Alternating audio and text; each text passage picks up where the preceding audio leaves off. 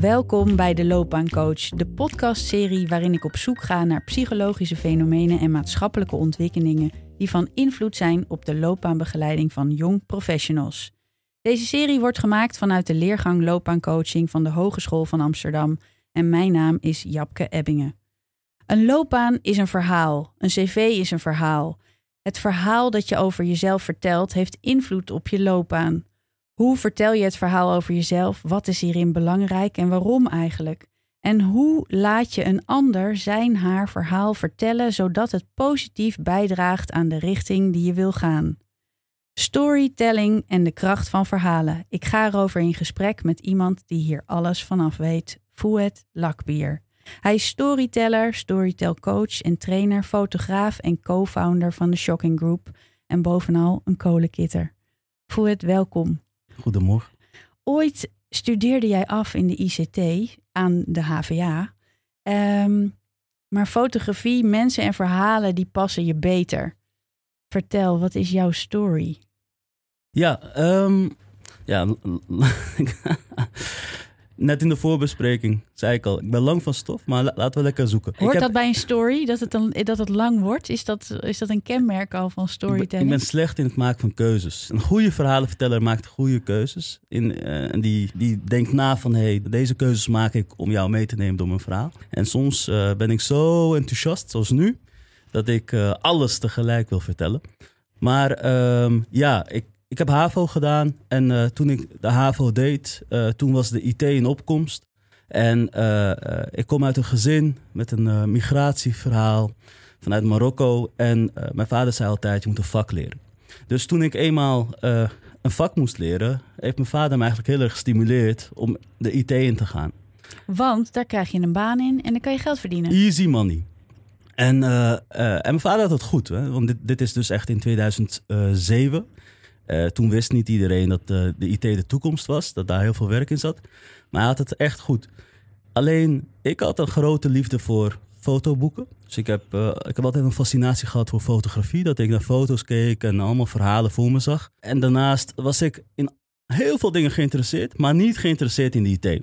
Maar ik was wel heel goed in wiskunde. En zodoende heb ik wel vrij snel een, hele mooie carrière opgebouwd in de IT. En toen ik eenmaal werkte in de IT, ik ben vrij vroeg begonnen. Ik was namelijk 19 toen ik met een fulltime baan begon in de IT. En toen was je ook al afgestudeerd? Nee, ik heb de route gedaan van HAVO. Niet afgemaakt, want ik was een lastig kind. Naar het MBO, daar heeft mijn vader me op ingeschreven. Via het MBO heb ik een eerste baan gekregen, na mijn laatste stage. En uh, vanaf mijn eerste baan bij L'Oréal in Hoofddorp, toen was ik dus 19 uh, ging deeltijd bij jullie aan de slag. En uh, dat is een beetje de route die ik heb bewandeld. Maar toen ik eenmaal werkte en uh, een beetje centjes had, ging ik investeren in mijn passie. En mijn passie was in eerste instantie fotografie. Dus ik kocht een camera, struinde door de straat van Amsterdam. En legde eigenlijk mijn gevoel vast in de vorm van, fotografie. En wat begon als een hobby, werd op een gegeven moment echt een, een vak. Als autodidact. En door de fotografie ben ik eigenlijk gestroomd in, in, in, enerzijds in de culturele sector. En tegelijkertijd in, in, ja, in, in, een sociale sector en voornamelijk buurtgericht. Dus dat ik heel erg bewust werd van ongelijkheid in mijn buurt en bepaalde vreemde kwesties, maar ook een stukje gentrificatie van mijn buurt. En, en dat ik... zag je dat door het fotograferen? Wat voor soort dingen fotografeerde je? Nee, in eerste instantie fotografeerde ik dus de straat van Amsterdam. Dus ik heb echt heel veel foto's gemaakt in de stad. Ik, ik was uh, gefascineerd door het proberen vast te leggen wat mijn gevoel uh, aangaf. Dus stel ik was verdrietig, dan probeerde ik dat kwijt te raken in de vorm van fotografie. En um, op een gegeven moment kreeg ik een kans om in de culturele sector foto's te maken. Namelijk het Amsterdams Andalusisch Orkest. Uh, destijds was de directeur Yassine Boussaid, ondertussen de directeur van de Meervaart die zei tegen mij van, hey Fouet, als je meer wilt leren over fotografie, kom onze shows vastleggen.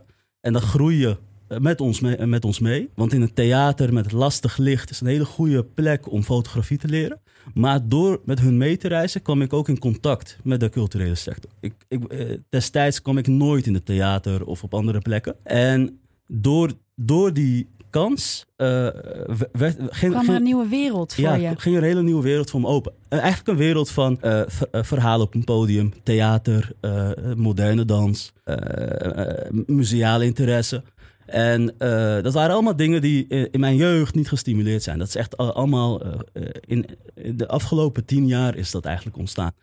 En um, in die route kwam ik ook in contact met jongeren. En besefte ik op een gegeven moment van... Hey, hoe komt het dat jongeren in West en Nieuw-West... in de omgeving waar ik ben opgegroeid... weinig in contact komen met, met hun creatieve kant? Hoe komt dat? Uh, ligt dat alleen maar aan, aan het stukje taboe binnen de families? Want het is vaak ook een taboe binnen de families. Of heeft dat ook gewoon te maken met dat ze geen toegang hebben... tot een stukje talentontwikkeling zoals je dat in Zuid wel hebt? Ja, want even voor de luisteraar, ik heb je geïntroduceerd als de kolenkitter, want je vertelt daar vaak trots over als je dingen van jou uh, vindt en hoort dat je daar vandaan komt. Maar um, ja, voor wie het niet weet, het is natuurlijk een wijk die in 2009 volgens mij is uitgeroepen tot uh, Vogelaarwijk en tot, um, nou, was grote probleemwijk waar veel uh, armoede, criminaliteit en ook lage CITO-scores. Dus dat is een beetje de de, de wereld waar je je bewoog, klopt? En tegelijkertijd een hele gezellige, warme volkswijk waar iedereen elkaar kent.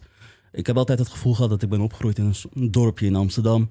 Um, ja, ja, dus er zijn ook daar weer zijn meerdere verhalen natuurlijk ja, over te vertellen. Maar welk precies, verhaal? maar je kwam daar niet, eh, misschien zeg je door taboe wat erop is, maar je kwam niet met de culturele sector of de creatieve kant minder snel in aanraking.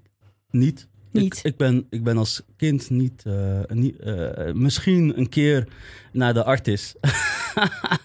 of uh, met, met school ja, naar zo'n jeugdvoorstelling. Maar van huis uit niet. En dat had te maken met enerzijds een, een prijskaartje van een theatervoorstelling is, is, was voor ons duur. En tegelijkertijd uh, was het dus ook een soort van, ja, ik noem het taboe, maar het heeft eigenlijk uh, verschillende lagen. En het, nu uh, een klein, klein, klein, klein verhaaltje, want ik heb jonge broertjes van elf. Ik heb vijf broertjes. Ik heb dus ben ook, jij, en jij bent de oudste? Ik ben de oudste. Ik ben zelf vanaf volgende week 31.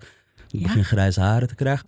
Maar die broertjes van mij, waar het vroeger voor mij heel lastig was om met mijn ouders in, te praten, überhaupt over mijn liefde voor kunst en cultuur is het voor hun vanzelfsprekend. Mijn broertje, die, uh, de een schildert, de ander die danst. Het, het, is, uh, het is nu een heel andere... Dus het heeft ook te maken met dat mijn ouders in contact moesten komen met deze wereld. Ja.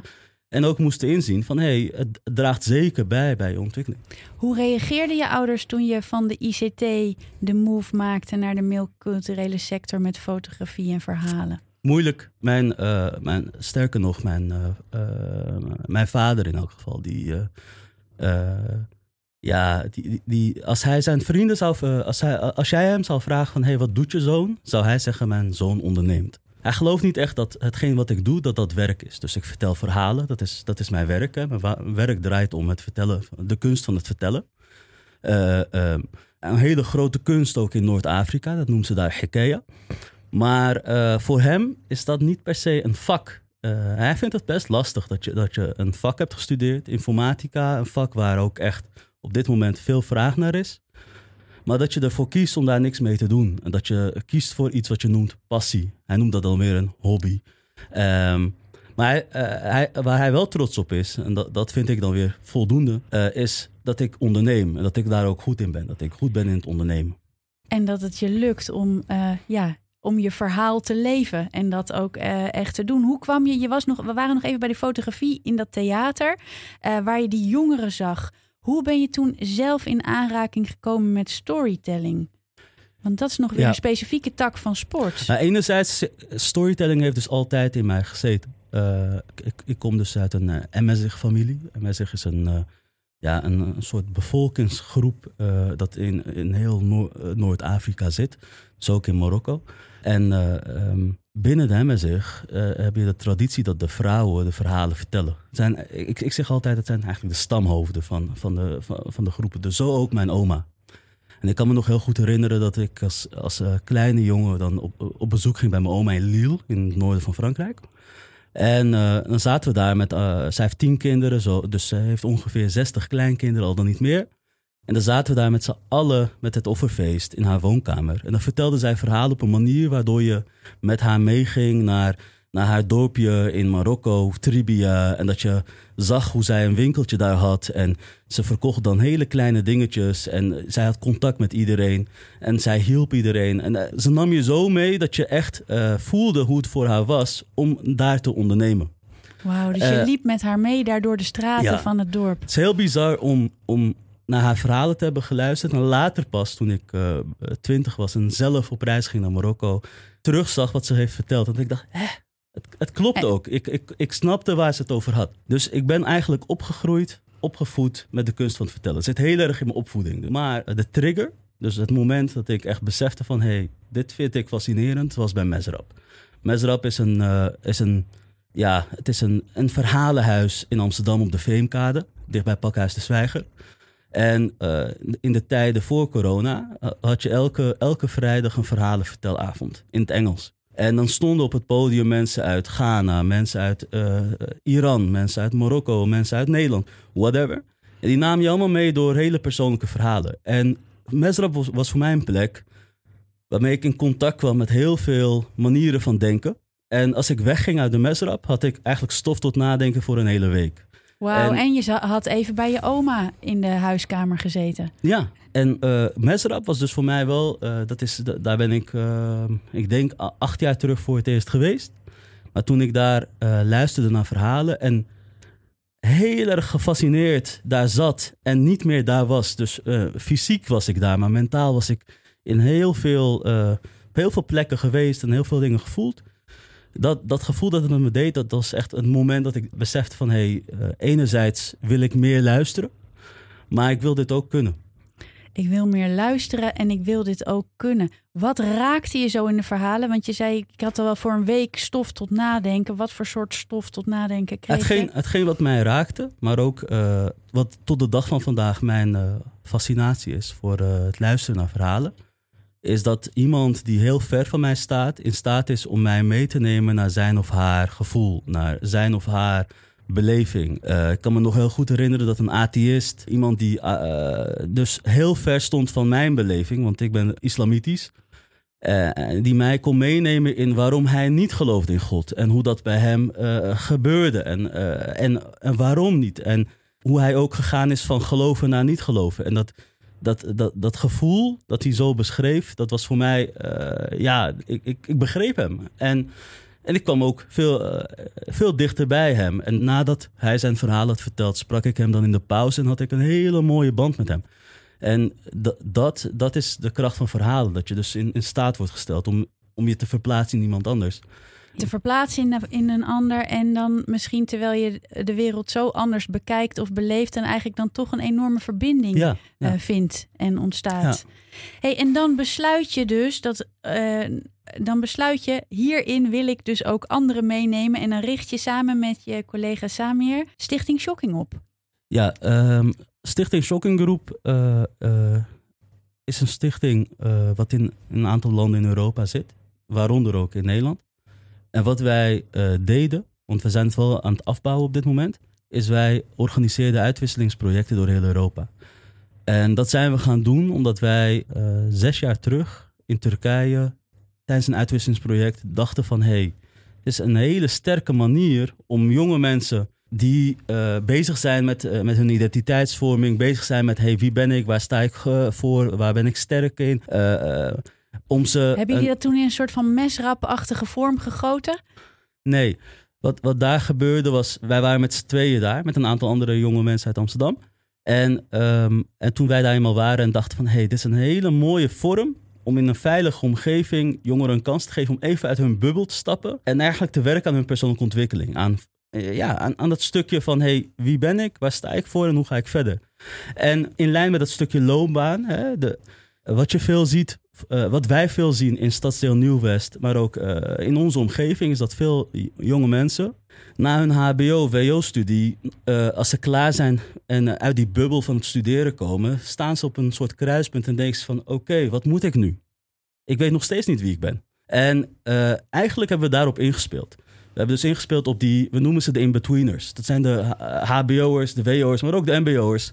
Die niet zitten in die studentenclubs, die niet zitten in, in die talentenclubs. Ook niet zitten bij jeugdwerk. Die zitten ertussen. Dat is een grote groep. Dat zijn wij ook geweest. Ik heb, de in-betweeners. Dus de in-betweeners. die zijn wel, die hebben contact met school, eh, die, maar die weten het gewoon nog niet zo goed waar ze heen willen, wat de volgende stap die- wordt. die, die gaan echt makkelijk door hun studie. Helemaal niet Ja, lastig. precies. Dus geen Hebben probleemgevallen, maar Gewoon easy. Maar die, die komen bijvoorbeeld niet in contact met vrijwilligerswerk. Die komen niet in contact met de culturele sector. Die komen niet in contact met dingetjes daarnaast. Als zij klaar zijn met hun studie, hebben ze een cv waar hun opleiding op staat. En nu moeten ze verder. Maar ze weten niet wat er allemaal nog meer in de Nee. wereld te koop is. Nee. En- Eigenlijk dat je kan, dus kan je het zo zeggen. Wat hebben jullie voor die doelgroep, deze in-betweeners? Wat deden jullie voor hun? Ja, best veel.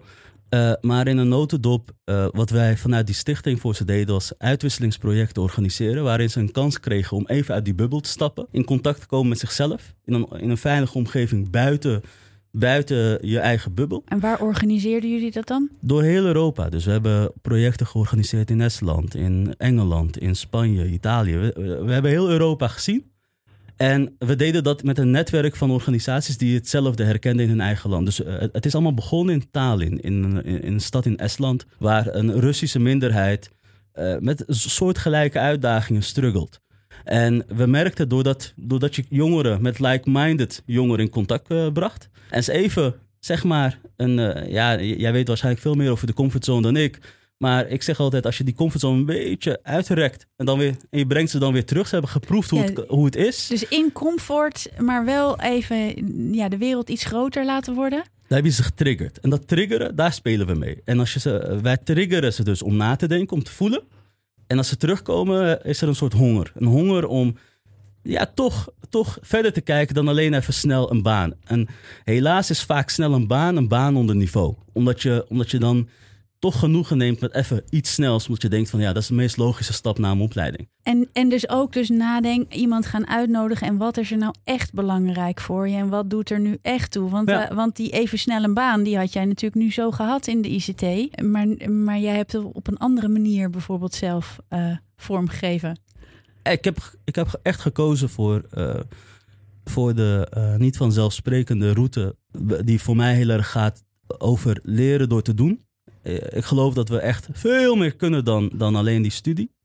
En eh, ik ben denk ik een levende bewijs. Ik ben nu eh, zes jaar aan het, on- nou vijf jaar eigenlijk, vijf jaar, ja, vijf jaar aan het ondernemen. En ik zit in een sector die ik echt mijn eigen heb gemaakt. Dus ik zit in de sociaal-culturele sector. Ik ken het culturele veld helemaal in Amsterdam. Maar ook het sociale veld in Stadsdeel West en Nieuw-West. En ik ben in staat om... Ja, eigenlijk wa- waar ik me nu begeef is... Ik ben in staat om... Als ik zie dat er een kans ligt... Dus die, die herken ik ook. Dan kan ik erop anticiperen. Ja. En dat gaat dus over van... Hey, eh, bijvoorbeeld... In mijn buurt zie ik een kans over talentontwikkeling. Hè, dat stukje waar we het net even over hadden.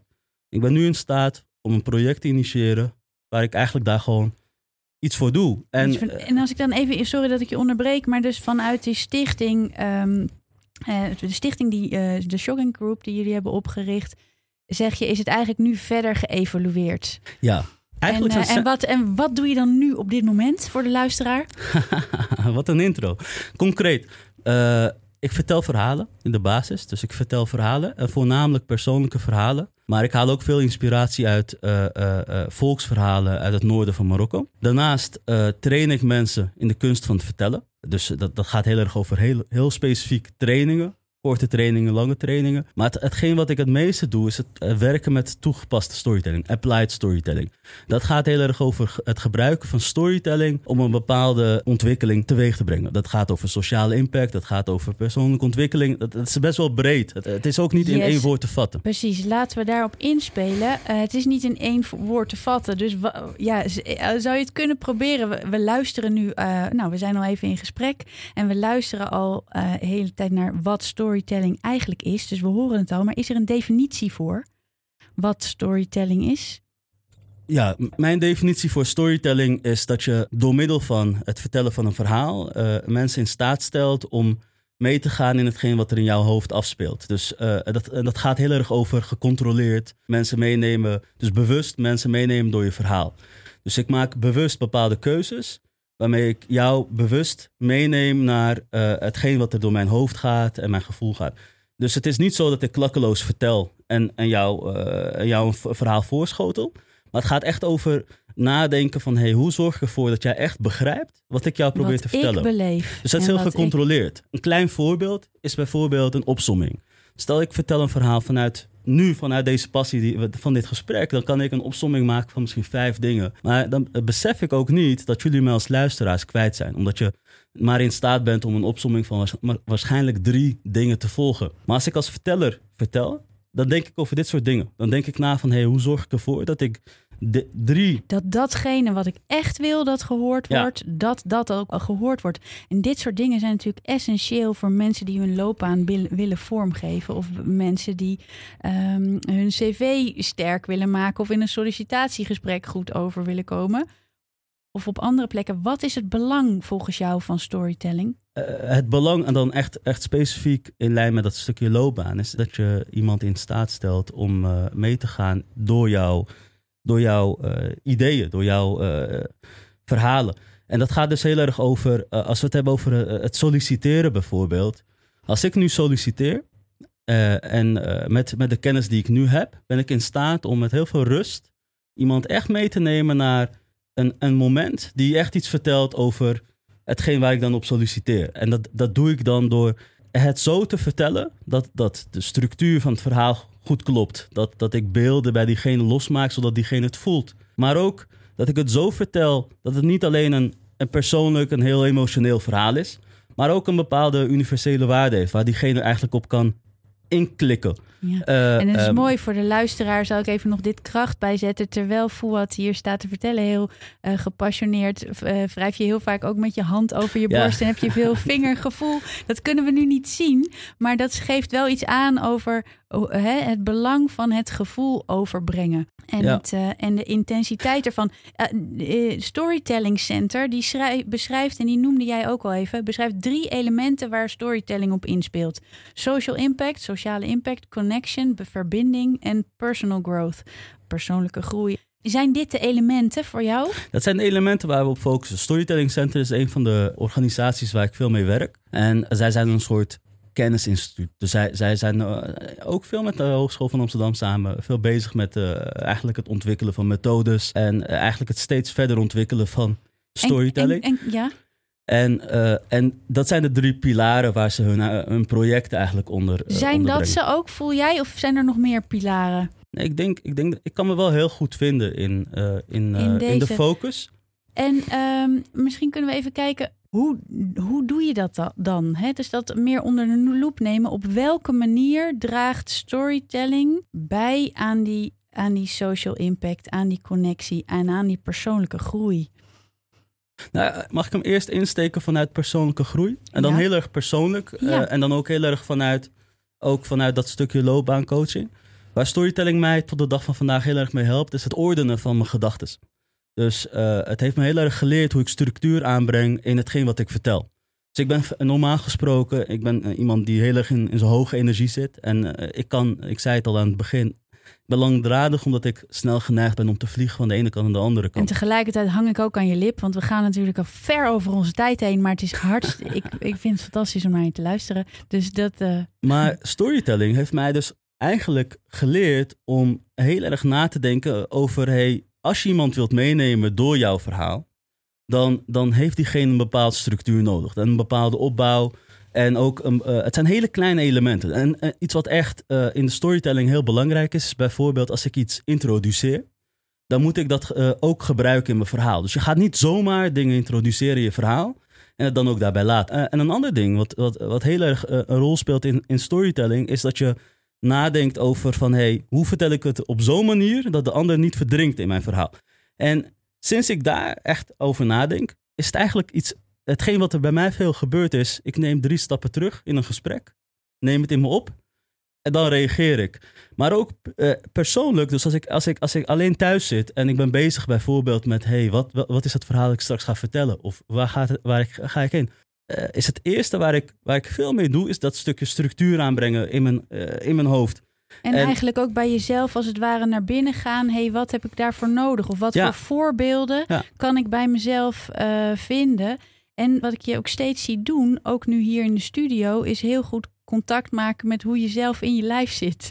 Eh, Ja. we- begonnen voor de uitzending. Zei je, ik zit niet goed op deze kruk. Ik, eh, ik voel me vastzitten. Ik kan niet bewegen. Ik heb, en ik heb geen lucht. En, en dus dat soort elementen neem je mee in je voorbereiding op je verhaal.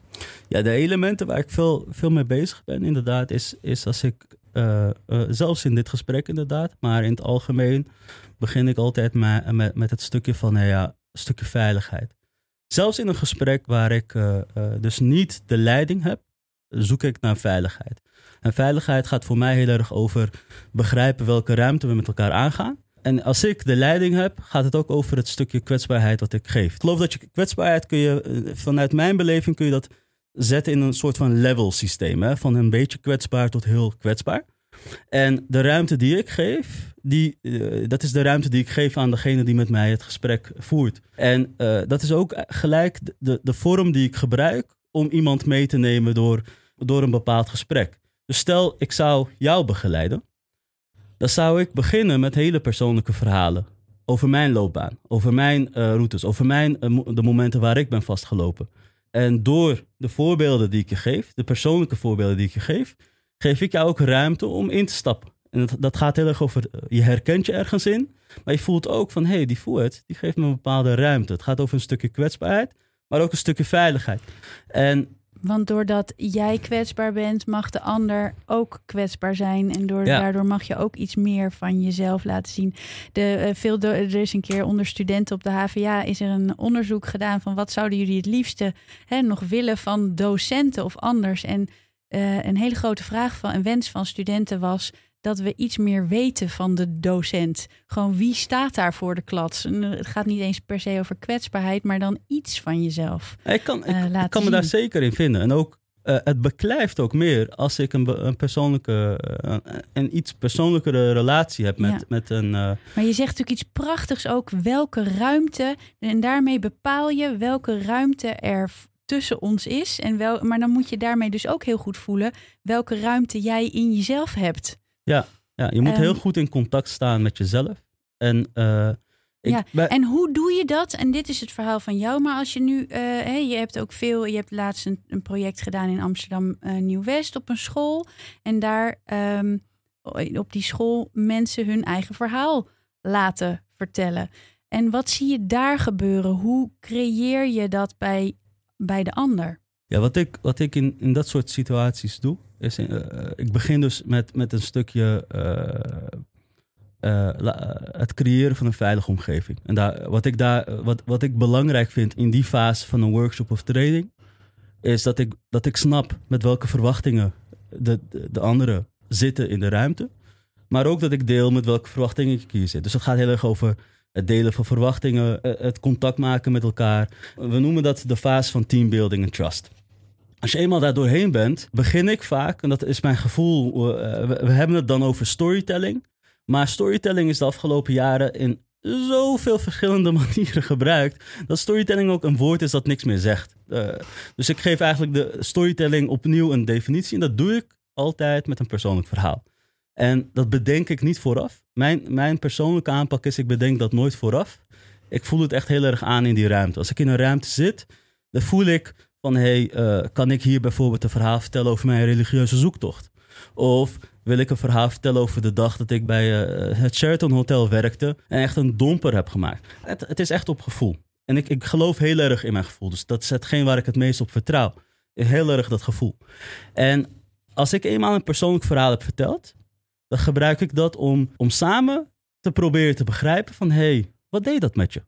Wat was hetgeen wat ik deed, waardoor je heel erg meeging in mijn verhaal? En eh, op basis van dat verhaal neem ik ze dan mee in drie dingen. In hoe geef je structuur aan een verhaal? Dat is echt, eh, eh, het- is gebaseerd op de Hero's Journey van Joseph Campbell. Het is een, het is een best wel een ingewikkelde methode om uit te leggen, maar wij hebben hem teruggebracht naar iets heel simpels. Naar, geef een verhaal een begin en een werk toe naar een eind. Als je een verhaal vertelt, weet waar je naartoe vertelt, naar het eind. En in het verhaal begin met context. En als je eenmaal context hebt gegeven en het verhaal ook echt begint, dus als je, als je de, de middelen hebt gegeven om het verhaal te kunnen begrijpen, zorg ervoor dat je de spanning strak houdt. Dat gaat dus heel erg over, neem ze ergens in mee Dus een, bijvoorbeeld dat, dat, de, de reis. Maar zo, zoek ook naar manieren om die aandacht vast te houden. Dat doe je door het spannend te maken. Dus bijvoorbeeld door bepaalde dingen groter te maken. Door, het, gaat dus, het is een spel. En ik, uh, een verhalenverteller, die, die, die schrijft dit niet helemaal uit en die staat hier gewoon iets voor te dragen. Nee, een verhalenverteller, die kijkt jou aan en die kijkt hoe jij luistert. Die probeert te volgen hoe jij luistert. En het moment dat diegene ziet dat jij aangaat, dan geeft hij je ruimte om daarop aan te gaan. Wanneer hij een vraagteken in je ogen ziet, dan geeft hij je ruimte om dat te, te beantwoorden of, of zelfs een vraag te stellen. Het is een, het is een gesprek. Het verhaal gebeurt in het midden. Ja, het, het, is... het prachtig. Het verhaal gebeurt in het midden en de, de verteller kijkt hoe de luisteraar luistert. Ja, en, en uiteindelijk werk je toe naar het eind. En aan het eind is je doel, het enige doel dat je hebt, is het stukje moraal, een stukje conclusie, hetgeen wat je hebt bedacht aan het begin, dat je wilt droppen aan het eind. Dat moet je bewerkstelligen in dat stukje verhaal, in die reis die je vertelt. De reis die je, waarin je de luisteraar meeneemt. En that's it. Dat stukje structuur leg ik ze dus op die manier uit, op basis van een persoonlijke verhaal. Het tweede ding wat ik altijd uitleg, is beeldend vertellen. De kracht van iemand meenemen in jouw beeld. En wat dat ook met je doet. En, en, hoe ik dat doe, is altijd vragen door. Wat deed het met je toen je voelde wat ik voelde? Toen je mijn auto rook, toen je zag hoe die auto eruit zag. En dat stukje herkenning, dat, maakt een bepaalde chemie bij iemand los. En, en doordat je dat voor je ziet, ontstaat er een diepere verbinding. Maar dat kunnen ze vaak zelf beantwoorden. Maar het moment dat ze dat beantwoorden, snappen ze gelijk de essentie. Snappen ze gelijk waarom het zo krachtig is als je beeldend vertelt. En ik kan me ook voorstellen, zoals je het zegt, van ik begin dus altijd met een eigen verhaal. Een verhaal wat ik nooit van tevoren bedenk, maar wat in het moment ontstaat met die regels van structuur en het spel in de context en een eind waar je weet van dat punt wil ik maken. Ehm, maar je, um, je, door jouw verhaal te vertellen, check je eigenlijk wat doet het bij jou. En dan ontstaan er, kan ik me zo voorstellen, afhankelijk van hoeveel mensen je voor je hebt, weer zoveel verschillende verhalen. Want bij de een raakt er iets aan dat, altijd. bij de ander raakt er iets aan dat. Altijd.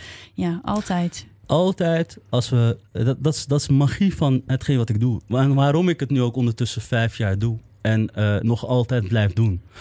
Uh, en uh, in het begin zie dat ze denken van... Hé, hey, wat kom je hier doen? Ik, ik heb geen verhaal. En aan het eind dat ik wegga en dat ze echt... Soms met tranen, soms aan het knuffelen maar soms ook dat ze in een cirkel zitten en denken van... Oh, heb ik nu net een verhaal verteld? Oh, dat ze naar huis gaan en denken van... Eh, ja. ik, heb een verhaal. En ze ja, dus het is ook niet dat jouw verhaal zo intimiderend of indrukwekkend is... maar dat mensen hun eigen verhaal daardoor uh, dat, hebben ontdekt. Dat is eigenlijk waar ik... Uh, en meestal, nou eigenlijk altijd... op het moment dat je een verhaal geeft... en ze met die hele simpele tools stimuleert om hun verhaal ook te vertellen. En ze eenmaal beginnen met het maken van een verhaal. Dat doen ze vaak in de vorm van een mindmap. En dan gaan ze terug naar een herinnering. Ik, ik speel vaak met het persoonlijke verhalen. Dan zie je ze heel snel ja, uh, uh, helemaal open, uh, open gaan. En, en het is echt een stukje magie die ik... En, en wat levert het dat op voor de persoonlijke groei? Om hem daar even naar terug te koppelen. On the long run, hè, dus zijn, als ik kijk naar, naar mensen die, die bijvoorbeeld, die ik in 2018 heb getraind, die ik nu nog volg. Wat ik vooral zie is, is een stukje zelfvertrouwen. En een stukje van, hé, hey, mijn verhaal mag er zijn. En dat, dat vind ik de grootste winst. Dat je, en dat, het verhaal er mag zijn en dat de identiteit is versterkt. Ja, en, en dat, dat, mensen meer durven... Te doen. een, een voorbeeld in, in de Balkan is in 2019 hebben we daar een project gedaan. En dat is een project voor jongeren uit een LHBT-omgeving die daar hun verhaal niet kunnen vertellen. En ze, destijds zeiden ze allemaal, ja, we hebben geen verhaal. En ondertussen hebben ze een podcastserie die ze draaien met dat verhaal. Dat ze verhalen vertellen en mensen ook echt in staat stellen om zich te verplaatsen in hun verhaal. Dat, dat zie ik als een, maar dat is dan nog weer een groot succes. Maar als ik hem heel klein maak, is het vaak alleen al dat gevoel van hey, iemand heeft naar me geluisterd. En ik heb ook echt iemand in staat gesteld om mij te volgen. Dat, dat idee van volg mij in mijn verhaal. Dat is al, alleen al een hele grote winst. In het algemeen gaat het heel erg over van hey, ja, wie je ook bent en hoe je ook staat in het leven. Uh, welk leven je ook leeft. Dat Ja. verhaal dat je leeft, dat mag er zijn. En dus, zo- dus zo klein, eigenlijk zeg je. Het is Superklein, heel klein en ja. super klein. Je eigen individuele verhaal. En als dat er mag zijn. Eén laatste vraag. En je hebt hem eigenlijk al beantwoord. Maar ik wil hem voor de luisteraar. Ik heb een, een ehm, aflevering gemaakt met Hadassa Kruithof, eh, psycholoog, over acceptance en commitment therapy. En daar is een hele belangrijke component is context. En het gaat om het vergroten van je psychologische flexibiliteit. En door jezelf te zien in verschillende contexten, krijg je als mens meer ruimte. Waar ik soms een kleine angst, ik ben heel fan van storytelling, maar waar ik soms een kleine angst heb, wat als je mensen te veel leert een vast verhaal over zichzelf te vertellen. Want in coaching gaat het juist om dat je je patroon doorbreekt. Ehm, en als je dan, ja, een nieuw verhaal kan misschien even werken, maar er moet ook evolutie zijn in je verhaal. Denk even aan mijn eigen verhaal. Hè. Ik ben niet slim genoeg. Ik kan geen medicijnen studeren, want ik, eh, ik ben niet goed in wiskunde en scheikunde en dat soort dingen. En dat zet ik dan vast. Maar En dan ga je dat leven. en dan ga je dat leven. Ja, ja, dat, is- dat, is, inderdaad een valkuil. Ja. ja, Nee, ja, het is een heel, heel goed punt allereerst die, die je maakt. En eh, eh, inderdaad, als je een verhaal te veel vertelt, dan ga je er op een gegeven moment alleen in dat verhaal geloven of alleen maar in dat verhaal blijven hangen. Dat is een, eh, een valkuil, een, een hele grote valkuil. Ehm, waar ik heel, eh, heel erg op inspeel met de, met de trainingen en workshops die ik geef, is heel erg van ehm, het verhaal, welk verhaal je ook hebt, dat verhaal mag er zijn. En eh, ju- juist, juist dat een verhaal verandert, een, een verhaal dat je in het moment vertelt, vind ik het meest krachtige verhaal dat er is. Dus niet dat gemaakte verhaal, dat verhaal dat je inderdaad in, eh, vasthoudt, of het stukje sensatieverhaal hè, met alleen maar grote thema's. Ik probeer altijd te gaan naar. Eh, eh, ik, kan, ik kan een verhaal vertellen van mijn ochtendritueel vandaag. Dat mijn fiets, mijn, fiets me in de steek heeft gelaten. En nu eh, met een nieuwe slot ergens ligt. En dat daar een heel, een heel mooi verhaal aan vastlandt. En, en ik probeer eigenlijk in, in de sessies die ik doe, probeer ik heel erg te laten zien dat daar een stukje magie in zit. Dat je niet hoeft te gaan naar dat hele grote verhaal, waar je ook jezelf in kwijt kunt raken. Dus mijn identiteit is dit. Dat je een heel ik ben altijd sociaal. Ik ben groot- altijd enthousiast. Ik ben, nou ja, of dat ik je, ben, ik kan dat je nooit. vastklampt aan een kader. Maar Ja. juist dat je durft te vertellen over je onzekerheid. Durft te vertellen over je zoektocht. Eh, eh, De manier die ik eh, Kijk, ik heb niet zo'n sterke... eh, eh, een, een sterke eh, antwoord op dit moment. Zoals eh, de, de, de psycholoog eh, waar je het net over had. Maar eh, wat ik hierop kan zeggen is één. Ik ben er, me er bewust van. Het is ook voorgekomen dat, dat ik heb gezien dat mensen heel erg vasthangen aan zo'n verhaal. Van hé, hey, ik ben gediscrimineerd. En daarom heb ik nooit een baan gekregen. En daar heel erg in blijven draaien en draaien en draaien. En elke keer als ze een kans krijgen om weer een verhaal te vertellen, gaat het alleen maar daarover. Het is een valkuil.